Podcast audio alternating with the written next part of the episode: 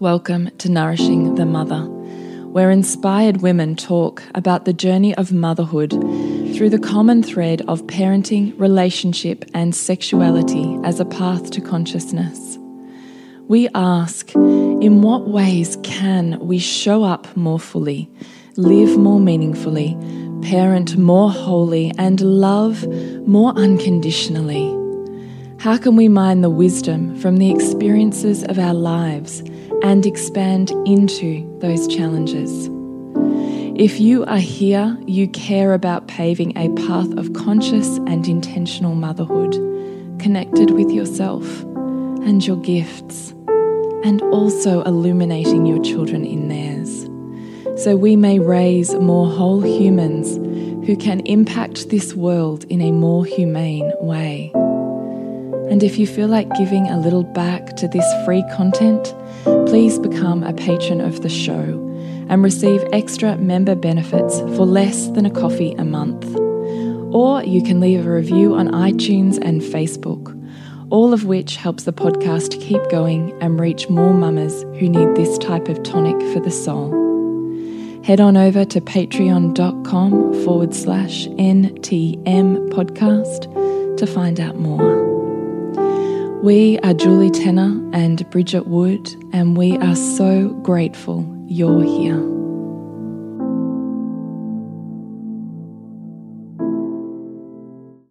Hello and welcome to Nourishing the Mother. I'm Bridget Wood. And I'm Julie Tenner. And today's podcast is who we become through raising our children. I had to think about it because I'm like, who we become while we're raising ourselves to raise our children. I'm going in my head, hang on a minute.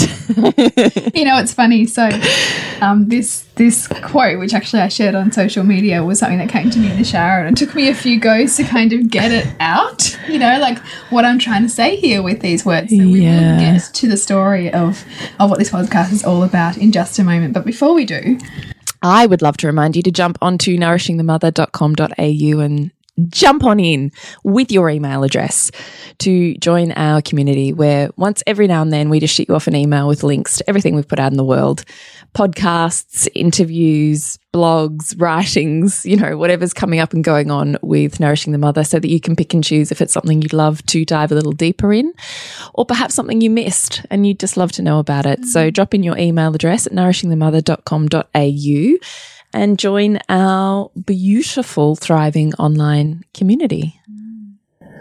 So, the words I wrote on a post this last week were You are not your children. You are who you become through the process of raising yourself to raise your children. Mm.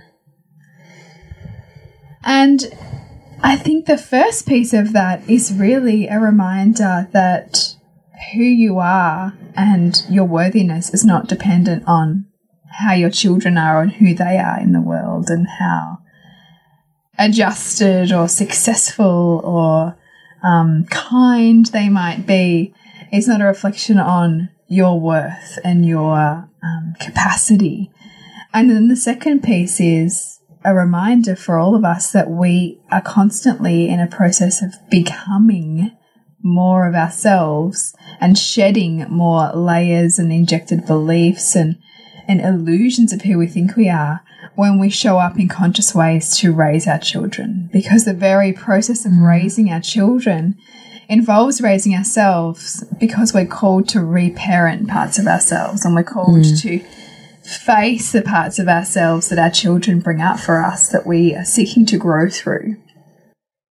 Look, that's certainly the lens that we continue to come back to, isn't it? Is mm. that ultimately, can you really call it conscious parenting if you stop your focus on your child? Mm. Because I don't think, and you don't think that you can, because consciousness is far bigger than the one mm. and is always reflective of the self, because the entire world is a facet and a mirror of all other parts that animate it. So, particularly the children that we um, have within our family that we've either ourselves given birth to, or honestly, even not, the meeting of souls and the um, family dynamic is such that whatever is repressed, whether it's biologic or just part of the function of the family, will be expressed. It's a system. You, Yeah. you can take the same theory and apply it to workplaces. Any kind of system's going to have a composition of, of different parts to make the whole.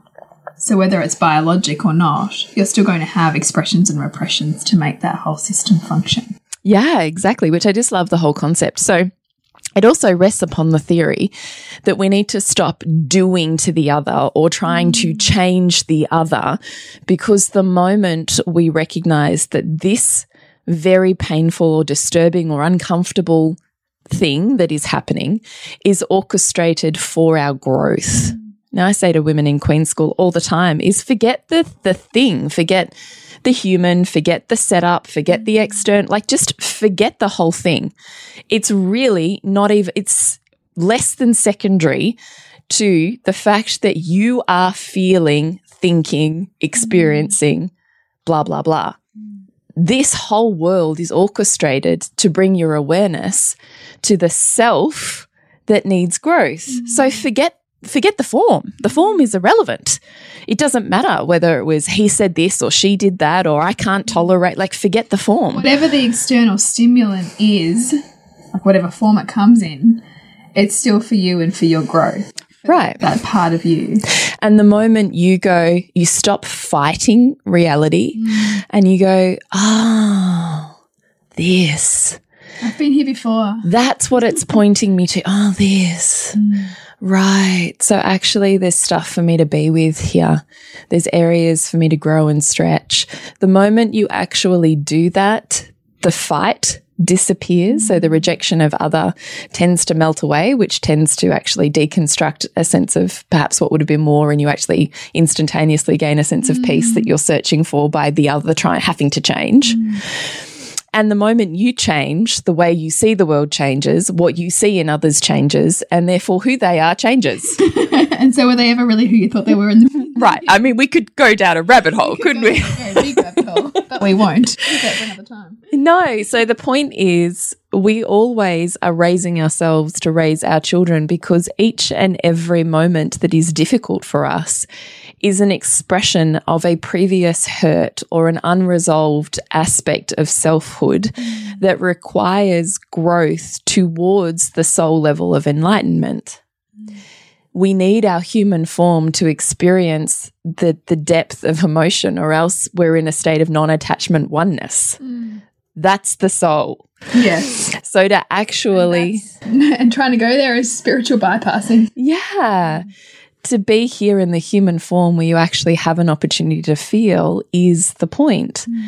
So the first time our child is one and three and nine and 16, we meet like a deja vu. It's a true deja vu, the pieces of us that are mm. reflective at each of those ages. Mm-hmm. So it's not that there's anything wrong with this child. It's the fact that we have to grow up these pieces that, that were stopped or stunted or repressed or mm. suppressed within us at those ages. And we get an opportunity to regrow mm. With our child as they grow through the lessons that we ourselves turn into wisdom. Mm. And I also think, in terms of um, the children, are always also working for the family dynamic and for the parents. Mm. So, whatever parents don't address or don't consciously work through or, you know, push under the rug, children will bring up mm. because they want parents to become more whole so that they have a blueprint for what it looks like to be whole. Like they have a job consciously or unconsciously to help with the evolution of the family. Mm. And so, even an example at the moment is my baby, who's just about to turn one, is waking at night.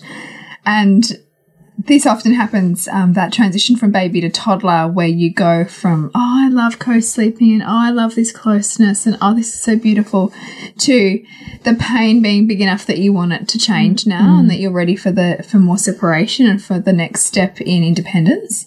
Um, but for me, so I recognize that piece of it, but I also recognize that for us as a dynamic, like my husband has had, you know, we'll often talk about like he just rather like you know have them when they're three Hmm. because he just wants to bypass the sleep stuff and he gets super frustrated.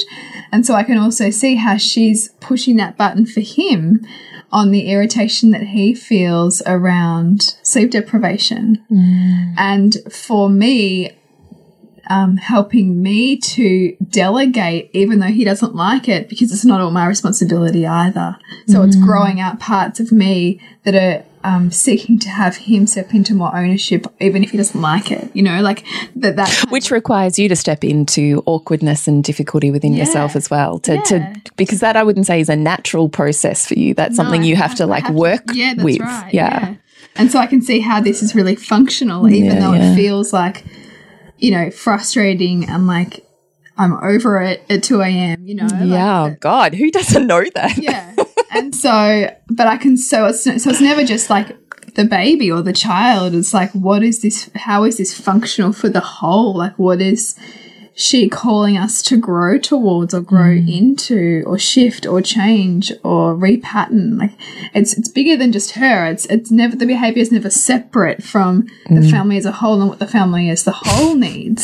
Sorry, I was laughing because my toddler just swore for the first time tonight in the Oh, car on the way home. Yeah, Oh, she that's so did. and I was just having a flashback then going,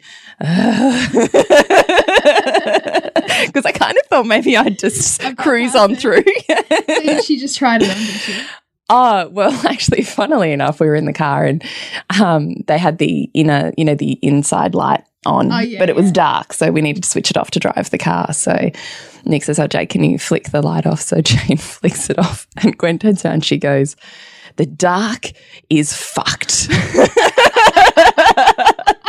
so I was listening to you just then going, uh, wholeness. So did you almost into very sad oh look i was i was like because the kids know i'm like don't encourage her. So jade's like jade's like sitting there like trying so hard.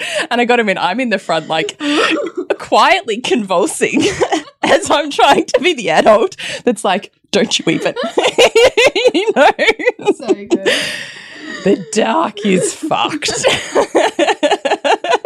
That's the best. I love it. I actually love it when you when each child goes through that stage. and we got home and Nick goes, hmm. And I went, yeah, I know. it's me. My husband has a pretty low tolerance for the fact that I I'm clearly responsible for when that happens. For that stage. me too. Very much my own. Anyway, we digress. but not really. well, I just I just brought it up because I was like, it's so perfect because I actually think sometimes they're so they're more connected to soul than to human when they're super little. I often Yeah. think. And the things that they're able to channel like i often feel like sometimes it feels like god's speaking to me through my mm. children Wouldn't it be amazing to just like spend like a week, like just having a notepad nearby and just like jotting down every sentence or every like message from life or from right God yeah comes out of you know the under threes or the under fours because It's totally- really powerful. i really think that And yeah thinking about as like just before they said it. Yeah. And like what's the message back? yeah It's like a cool exercise. We should do that in soul driven motherhood or something. yeah it is a cool exercise actually mm. because i do think like i often think oh well the universe speaks through feeling or imagery or you know mm. universal language. But in actual fact you know i just think often those little people are so ridiculously soulful that they mm. just you know they're just like the smiling buddha who you know mm. says nothing and knows everything and you know Yeah. or the super enlightened you know buddhists who are like everything can be known by the beat of a cricket's wing and i'm like what the fuck Deconstructing that whole right, yeah. But that's something like a toddler would say. And I often think, ah, you know, we think that they're these tiny, hapless, helpless. They're so not. They're so And I- not. I, do wonder if, if there was at some point, like in our history, where that lie was created. Mm. You know, like because you know, we, well, we know like that women have been Suppressed. suppressed. Yeah. But I mean, what about the wisdom of children being Yeah, totally. Yeah. You know, like because it's almost like if we look to the children for the wisdom that they do hold, how would that call adults to be more accountable? You know, Mm. like I don't know. There's maybe something in that. I don't know about that, but I, I do wonder. It's a really interesting thought. Hmm. Interesting thoughts are really just interesting. They just are. Um, what else do we want to say about this raising your children? I do have this Kahlil Gibran quote, which, you know, is epic. I just love it. I know, it's so good. So we're going to read it. I'm I sure am. you. I'm We're, we're, we're sure that you've heard it, but I don't think we can hear it enough. So take it away. I love poetry. Poetry is like, talk about soulful, hey? So, this is Kahlil Gibran on children. And a woman who held a babe against her bosom said, Speak to us of children. And he said, Your children are not your children. They are the sons and daughters of life's longing for itself. They come through you, but not from you. And though they are with you, yet they belong not to you. You may give them your love, but not your thoughts, for they have their own thoughts. You may house their bodies, but not their souls, for their souls dwell in the house of tomorrow, which you cannot visit, not even in your dreams. You may strive to be like them, but seek not to make them like you. For life goes not backward nor tarries with yesterday. You are the bows from which your children, as living arrows, are sent forth. So good, isn't it? It's just so beautiful, isn't it? It's so good. I know. And that that um that line about you may seek to be like them but not make them like you like that there's so much just I mean I think you could break apart every single verse of that because there's so much in there. It's really humbling. It is really humbling. Yeah, I love it. It's a really beautiful quote. And I think it's such a beautiful reminder because I think we can get so like there. I, I'm even really careful with the language around my children, mm. m- my son, because I'm so acutely aware that they're not mine. Mm. And that it's, you know, this most sacred role, I think, of motherhood that I just feel the most immense amount of gratitude that this soul chose to come through me and that I get to witness. Mm. It's like the witnessing the birth of a star, isn't it? Like I get to witness the birth of this soul through life. And I get to witness that really intimately. Like that's like, I don't even know what the word is, but I just, you know, I grew up with a mother who was so lost in, um, how she wasn't recognized and how we didn't thank her enough and we didn't validate her enough and we didn't give her enough because she gave everything. And, you know, this concept of motherhood being um, thankless. And I can't think what the word is right in my head right that, but that what's that? You know, the idea that you know you give everything and you know you just get nothing in return. You don't even appreciate. There's no appreciation. Yeah, That's the word I'm thinking of. But I watch my four children, and I think I just feel immensely blessed. Mm. Like there's honestly not this part of me that feels this sense of injustice, like you owe me something. Mm. They don't owe me anything. I said yes and they said yes and we had a soul contract and I get to witness them intimately as they bloom into this life. That feels like a gift. Mm. So I don't sit here going, I've given all of myself to you and you know, you just don't see me or appreciate me. I sit there going, fuck. I'm so grateful that you just are sitting next to me or that you came and said hi to me or you know so many times you know i'll often just marvel at their beauty or grace in whatever form it is and i'll just be like i really just appreciate you just i'm really grateful that i get to be here with you mm. and i just think i never heard that enough and as a soul it just feels like a truth I always think about like that. That's one thing that I say to my kids every night before they go to bed is I'm so grateful to be your mum. Because even so, eh, so, because whatever has happened through the day, and whenever I've been short, if I've ever been short tempered or haven't had the spaciousness for them, if they go to bed knowing that I'm grateful for the role I play in raising them, like that's pretty profound. Like to Yeah, to, to have that sense of i'm wanted I'm wanted. Yeah. Mm. But I mean, I, I'd say that there's moments though where I wrestle with that whole giving of self. Mm. Like, Like, and I think that's potentially part of my mother's story as well. Was mm. I think for her being the youngest of twelve, and then and not feeling like she had a mother, and then potentially over mothering, and then breeding resentment from over mothering. Mm. And then I can I can feel aspects of that. But then for me, that's a feedback of making sure that I'm not That you're in integrity. that I'm in integrity mm. and that I've all that I'm also handing uh, doing the handing over of skills like you talk about with my mm. children and not doing more things for them than than are necessary for them to thrive. Because I also think that that's actually limiting if we're constantly over mothering right limiting for them limiting for us I think it's super limiting. I always think this whole point of the graciousness that we have to raise these humans is really just, I feel like it's that equipping them just to be what they need to be in this like world. any form of leadership, isn't it? Like, how do I equip you in such a way that I make myself obsolete? Yeah. Eventually, Yeah, like, that you it lead is. so well. yeah, that you don't need me anymore. Yeah, that you give, Which is deeply painful too. It's deeply painful. Yeah. Like I think, but in the in a form of a business, you can see how that functions and that makes sense because you move on to the next business. Like so, you go into a mm. business, you set up the business as the leader, and you give everybody everything that you know and that they mm. know, and then you basically You build the business up until it doesn't need you yeah, and then you move to the next business. But mm. there, like, there's no moving to the next children. You know, there's no, there's no there's no moving to the next. I'm sure there's a new form of it, but in our deeply human selves, like there's a there's a heart shattering reality of there's a point where I'm not going to be needed anymore. It's Yeah. like I said to a friend today at this playground that you and I were at yesterday. I said there's going to be a time where we're not going to even like need to be in this space yeah. like when my youngest is like 10 or 12 they're going to be too cool for the playground and this won't even be a reality in my life mm. and that's happening all of the time in motherhood and Yeah. all of the time we're not even aware of the things and the stages that we're letting go of and the places that we frequent and the, hmm. the realities that we face that it, we're slowly actually growing out of them all of the time hmm.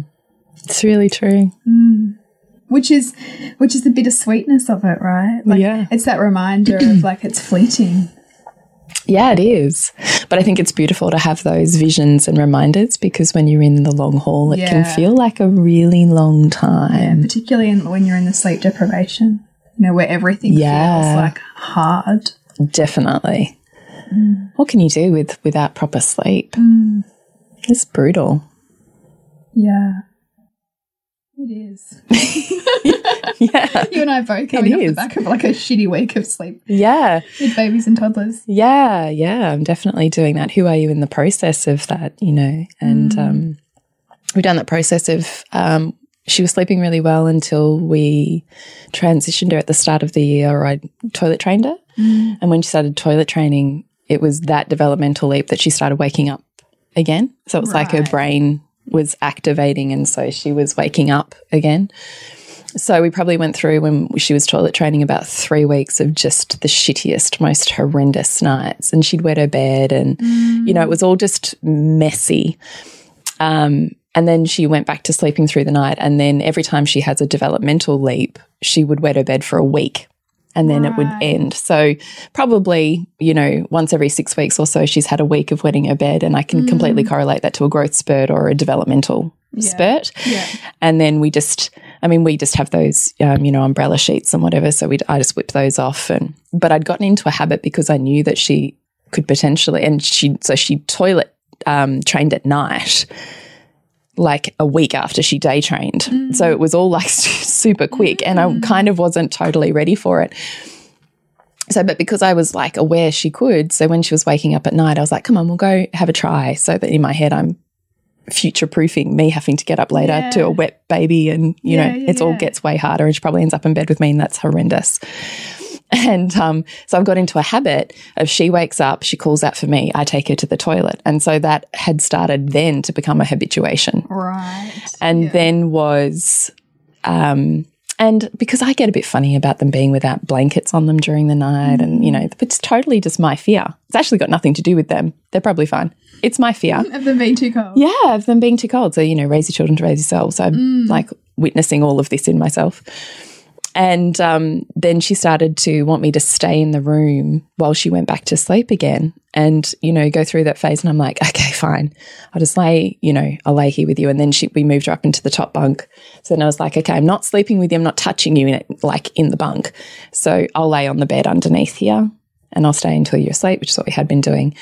And then it got to this last week and I was like, no, this, this is fucking it. Like I'm done. this is a total habit. There's no mm. part of you that needs this. You have just habituated your body into a sleep cycle that now wakes you up mm. and you now don't have a self-soothing mechanism like you do in every other sleep cycle where you just roll over and you go back to sleep. Mm. You wake up, mom, and then it's like this whole thing.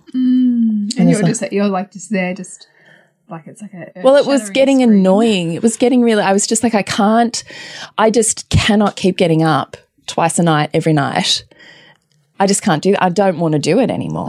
And so we'd moved obviously um, into the bunk and whatever. And so I just said to her, no, that's it. I'm not, I'm not coming back in here. You're really safe. Like I went in there, said to her, you're really safe. You're with your brother, blah, blah, blah. And then our bedroom's right next door to her room. So every time she called out, yes, Gwen, I'm still here. I'm still here. But we had that first night, two and a half hours of solid screaming. So between two and four thirty at night, she just wasn't sleeping. She just went through phases of different levels of screaming and yelling and, you know, all the things. Yeah. But because she's my fourth, I'm fully aware that there's no habit at all ever with any of my four children that we haven't changed within three days. Yeah. But there has to be a solid commitment. Mm. If I waver, You have to be it strings it 100 out. You have to be like a 110% solid, like like unwavering. It's just this a is now. Well, you just have to be. I just think you have to give them boundaries Yeah. that they then know how to play in. Yeah. If the boundaries are flimsy, it creates anxiety, and they then don't know mm-hmm. how to be or where they are, and there is no safety net. You have to create nervous system safety by giving really clear mm-hmm. boundaries. Boundaries can be given with love. Boundaries don't mean hard ass. But for me, presence does not equal proximity mm. because I'm perfectly capable of energetically still holding her space, really congruent on the fact she's completely safe and centered. We're still communicating with her. Mm. She has her brother in her room. The doors are all open.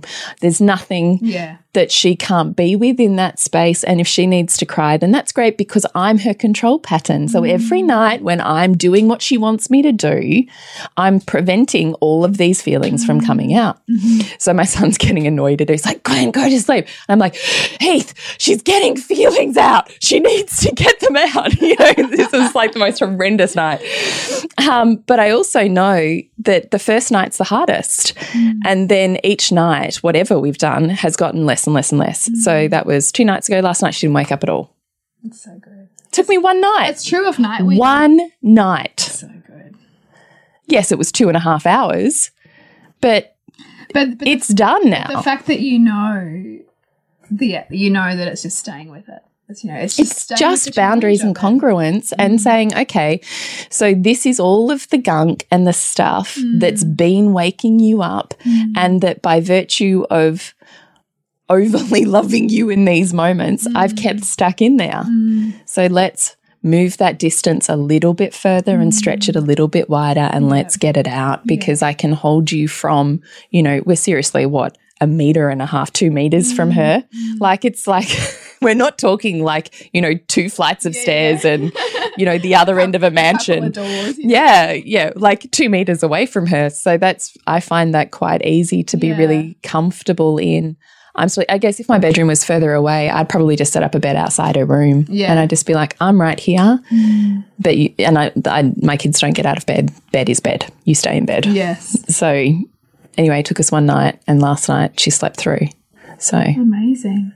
So it's just congruence. Yeah, and I mean, I I think about that, and I think about when I've night weaned my kids, or when I I've had a, like a hell sleep journey with Sylvie, and Yeah, you really did. Didn't yeah, and teaching. Mean, she's kind of going through her own stuff at the moment, like with nightmares and things. But certainly that whole creating safety and stepping it out, and really being one hundred percent congruent in your own and we say this with, with, mm. with our coaching clients too. Like, if you're wavering in any way, or feeling guilty, or feeling like you're letting them down, or you know any of that stuff, like that's where it's going to draw out because they can feel your incongruence. They can feel that there's a part of you that's not 100%. There's an instability which create which leaves room for anxiety. Yeah, and th and that they're pushing that button for you to get you more congruent, Mm. so that they can feel safer to to change the thing. Yeah. Yeah. We've totally deviated off our Yeah, I don't even know how we got onto that, but I'm sure people will find it interesting. if you similarly have challenges with, you know, night waking or But it is still a process. Like me, like this is me as a fourth time mum. I'm really good with it. I feel really comfortable. It does not, I know, it does not damage our connection. yeah. We're still uber connected, even though I'm, you know, two meters away from her, super connected. But you, baby number one or two, would never have done it. No, this is what I was going to say. Yeah. 101. Would never, like, couldn't have conceived of it. Mm. Though I do, I think I said to you, I do remember. Did I say this to you? I do, you yeah, I do remember my eldest being probably he was three or something and he was waking. I remember one night being so dog tired and I just like later I was like, oh my God, go the fuck to sleep. I was like this. And he just like went bang off to sleep. And I do often reflect on the irony of that. Mm. You know, I would never, ever in my waking conscious moments have sworn at him, have, you know, like yeah. Kept myself on a super coiled leash. And um, the moment that I'm completely unconscious, yeah. he does the thing that I want him to do. Yeah, so like it's like release it. so ironic, It's isn't it? funny, isn't it? So no, look, I, I and I, you know, so raising your children to raising yourself to raise your children, Mm. like I've raised the one year old and the two year old in me four times. Mm. It definitely gets easier Mm. each time you have a child who takes you to that place. It's definitely, or it certainly was for me, the hardest with number one. Yeah. And it just gets easier Mm. the more times you hear, oh, you go, oh yeah, here, no, I'm good. We're Yeah, it was, it was resolved like here. me, it, was, it was like me reflecting on the sleep stuff with a friend and saying, "Oh, you know, it's only taken me till she's eleven months. It's taken me eleven months. Like this is the longest it's taken me to ever get sleep rage. You know, like nighttime sleep Yeah, yeah. rage. And because I've parented myself at this age twice before, Hmm. so it's just like." I've worked through enough stuff that it, they're still there, but it's not as um, It- you've stretched out. stretched it out. Yeah. yeah, yeah, which is cool. It is cool, but that it is the whole process of we really, really do take us to places in which we can then grow ourselves Mm. in integrity and alignment, and I think I think skill sets and capacities, Yeah. which do serve every other area of our life. Yeah, absolutely. I don't think that that motherhood um, makes you less or, or in some way um, minimizes who you are as a human. I think it absolutely upgrades all of your skills mm. and therefore all of the ways that you can bring those skills to all of the other areas of your life. But particularly since we are a culture that focus on work, particularly also with work, mm. you want to get something done, give it to a busy mum. Mm. She will sort that shit out for you in five minutes. Yeah, and she'll find time that you didn't think that she didn't think she had, right? Yeah. So, you know, this whole concept of I'm somehow dithering away at home, I just find abhorrent mm. because you are doing possibly the deepest, most committed spiritual work there mm. is. You're not taking a little three week vacay to Bali retreat land where you get to sit in a yogic posture Yeah. you're like fully in the trenches, mm. digging the human shit to mine the gold. No, Yes, really. yeah, like, talk about a fucking spiritual bypass. Mm. Really angers me. Yeah.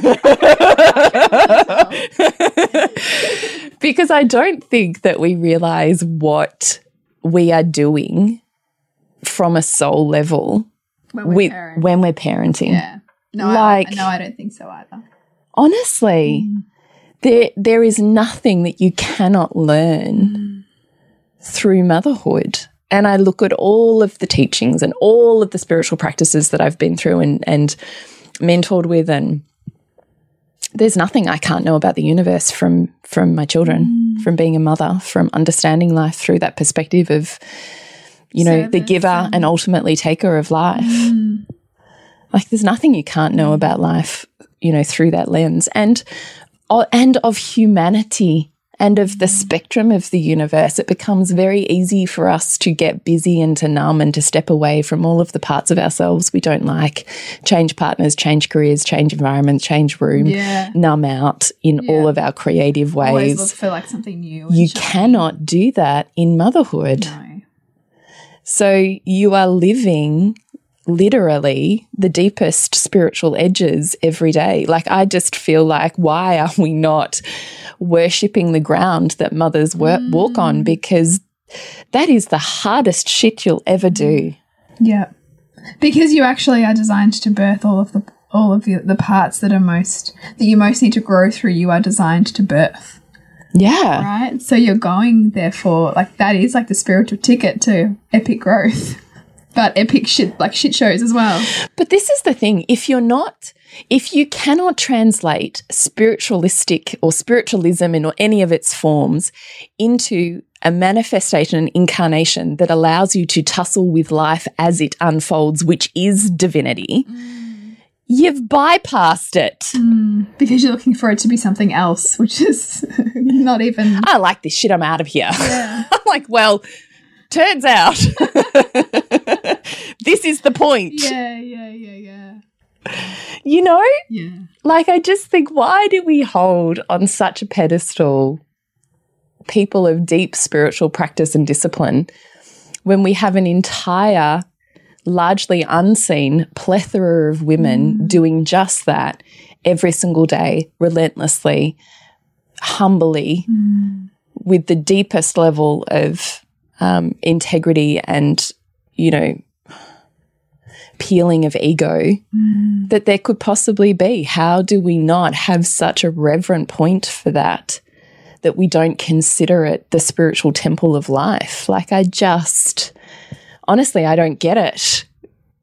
I honestly, like, it, I just, Yeah, I- it perplexes me. And I don't have any answers on that either. I mean, like we have our theories on it, and in fact, this is actually uh, uh, this is the vein of, of our discussions and our our deepening insights where we're going to take things in soul driven motherhood in June. Actually, is is the value or potentially lack of value on motherhood and mothering culturally because of you know more dominant patriarchal systems and more career oriented um, focuses of society, which are all about your worth is determined by how much you show up in the world visibly and in society, and you know the impact of that that has on us as as mothers or as women who define ourselves as mothers, and yet there is actually so much profound richness to be mined, and also service to mm. the world through motherhood that just seems to kind of get you know sidelined really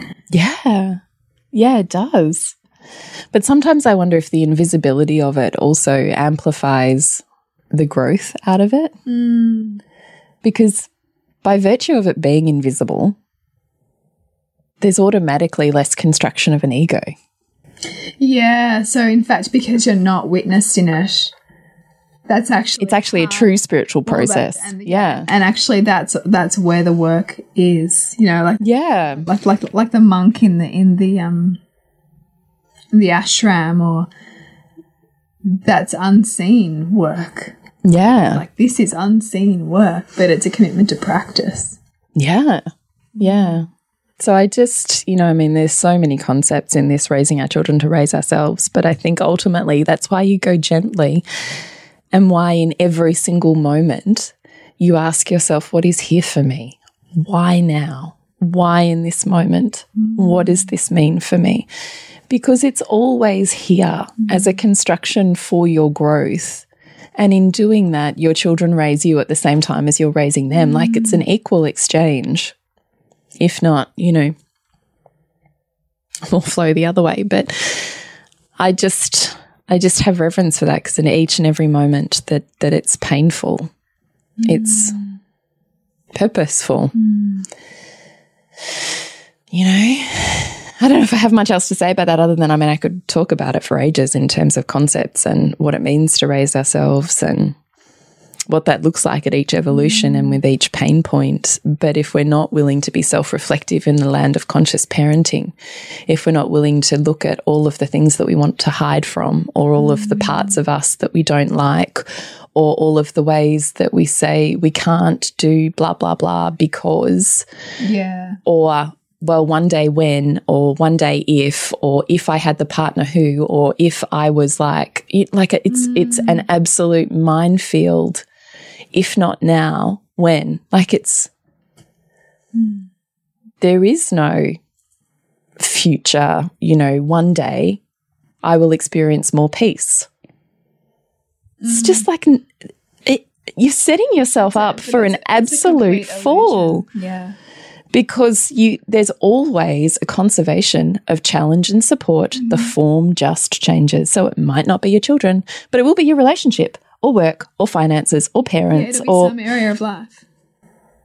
And and just like you know, this is one of the big things that I that I think that we end that we end up working through with a lot of women who come to us early in motherhood is making sense of that identity change and and, and sometimes the rose colored glasses with which you look on look mm. upon yourself and your life before you had children mm. versus now where the where the demands seem so great. Mm. Whereas before you had children, it just looks different, and often you might have been jostling for promotion, or you might have been, you know, heart achingly desperate to find a partner, or you might have been, you know, really struggling with your own self worth in other forms, you know. So the challenge was still there. It's just hmm. in a different area, and and we're never without challenge, and nor would we want to be. Hmm. yeah challenge is what grows us but i loved it before we started recording this that you'd said i wish that all mothers knew essentially that the way to get through this is to make meaning out of it hmm. Yeah, so one of the practices that I like to do when I am feeling triggered by my children or just by like, you know, maybe it's like four o'clock and I'm feeling behind the eight ball and like the house is screaming at me and dinner needs half done and I've got a toddler at my leg and, you know, my three year old's yelling at me or whatever.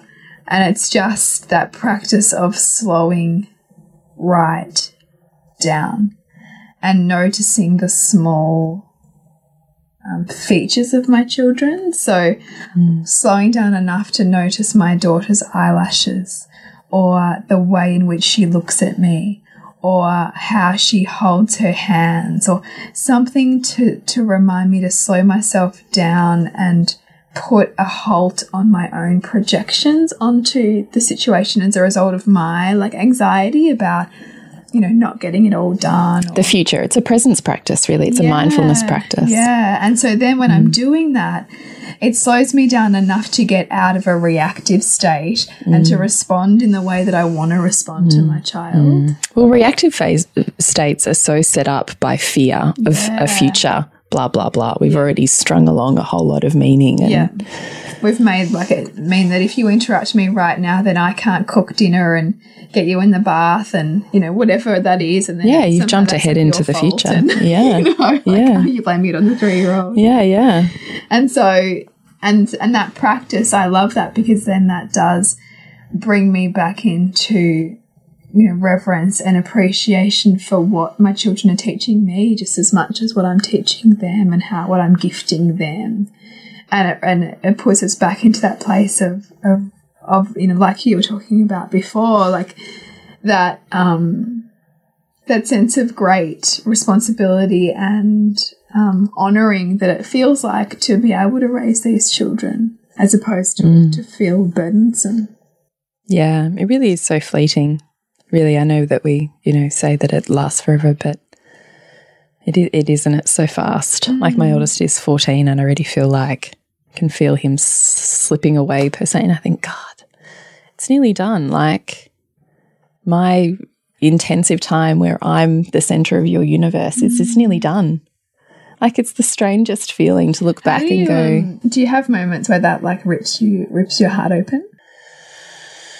Yeah, yeah. Um, but as opposed to ripping my heart open, I suppose I think of it as as a gift from the divine, and I surrender my heart open to that feeling. So, as part of my cultivation practice of you know intimacy, I practice surrendering my heart, particularly when it's in pain. So surrendering it to the altar, handing it to, to the divine, whatever, you know, construct works for you.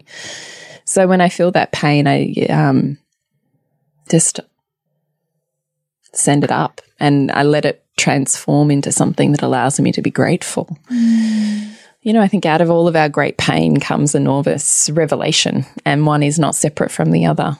So the times of greatest pain will also be the times of greatest revelation. So mm. in the end, I'm not ungrateful for it. Mm. And if anything, it just reminds me of how precious it is. Like I'm just, I'm so filled with absolute gratitude and and grace and you know just the fact that it's pff, gone like what a what a gift mm. i can't and i can't believe that it's so fast which sounds so ridiculous because i also really get that it feels really long too mm. but when they're nearly gone you all of a sudden think god that was so fast did i do everything i wanted to do mm. did i do it the way i wanted to do it mm. so you know, if I had my time over with Heath, I would do it differently. But he was my first. Mm. But having such a big age gap also allows me, I think, that constant reminder on it does definitely change the way that I parent day to day with super younger kids. So, have I done everything I wanted to do with number three and four? And even number two? Yeah, I've done, there's not a thing that I haven't done that I wanted to do at all. Like I have fully left it all on the dance floor at each and every, you know, at each and every phase. And I think that's the point too, because I don't want to get to a phase where the if and the when come back to bite my ass and I'm filled with regret mm. because I was too shit scared to step onto the dance floor. Mm. You know? Yeah, I do. It's beautiful. So yeah, we've like so deviated. We have not remotely have. spoken about the topic. about what we were like actually talking about. Except that I really do want to invite you into soul driven motherhood. I read this beautiful post today. Actually, it was in response to one of your messages. I think that it was um, one of the beautiful women in our soul driven motherhood, and she'd said, "I just consider that thirty nine Australian dollars a month an absolute necessity for my mm. living." And I was just like, "Fuck." That's so beautiful. Isn't that amazing? That she just so completely knows this is a non negotiable mm. living expense she for me. She considers it alongside the utility bills. Like it's just something that you have to yeah, because it reminds her of the meaning mm. and it reminds her of presence and it gives her the space to come back and tap in when she needs to. And mm that just lights my heart on fire. I think if I'd had that with my first, I would have chosen things differently. I mean, it didn't exist back then, but you know, I would definitely community changes everything. Mm. So, and I would like to think that, you know, Bridgie, you and I are providing a space of nourishment, but also of inspiration and and uh, problem solving. Mm. So, you know, if you're really on your motherhood journey, no matter how early in you are on it, that it's a space where we've now got like 10 courses in there yeah, that that's so just in the content. unit section in yeah. content. There's all these conversations. We're doing our retreat. We will have just done our retreat by the time mm. this comes mm. out. And it's so cheap. I mean, $222 for six months yeah. of soul nourishing, conscious parenting. Mm. I just, yeah, I just like. And facilitation. I mean, like the beautiful thing is because also not only are Julie and I jumping in there and offering our perspectives on questions and comments and things, but so many of the women in there have, have really immersed themselves in a lot of our work and so are really well versed in, in offering mm. those really rich perspectives and that lens that, wis- that wisdom can offer um, and it's just really heart opening and beautiful. Yeah, it is. So please come and check that out, Soul Driven Motherhood. You can find that on socials and at Nourishing the Mother. So to connect with you, Bridget. SuburbanSandcastles.com and you, Jules. ThePleasureNutritionist.com. Remember to nourish the woman to rock the family. And we'll see you next week when we continue to peel back the layers on your mothering journey. And if you want to support Nourishing the Mother and all the late nights, the early mornings, the blood, sweat, and tears we pour into our art, then please go to patreon.com forward slash NTM podcast and become our patron. As a patron, you're helping all of the cost of operating this podcast, the hosting, the editing, the transcription, helping all of that be completely covered, and joining a community who are all about honouring our journeys and continuing to open. The more support we have, the longer we can last. So become a patron. We'd love to have you. Go to patreon.com forward slash NTM podcast. We literally couldn't do this without you. Thank you so much for listening, and please share this podcast with anyone you think it would be medicine for.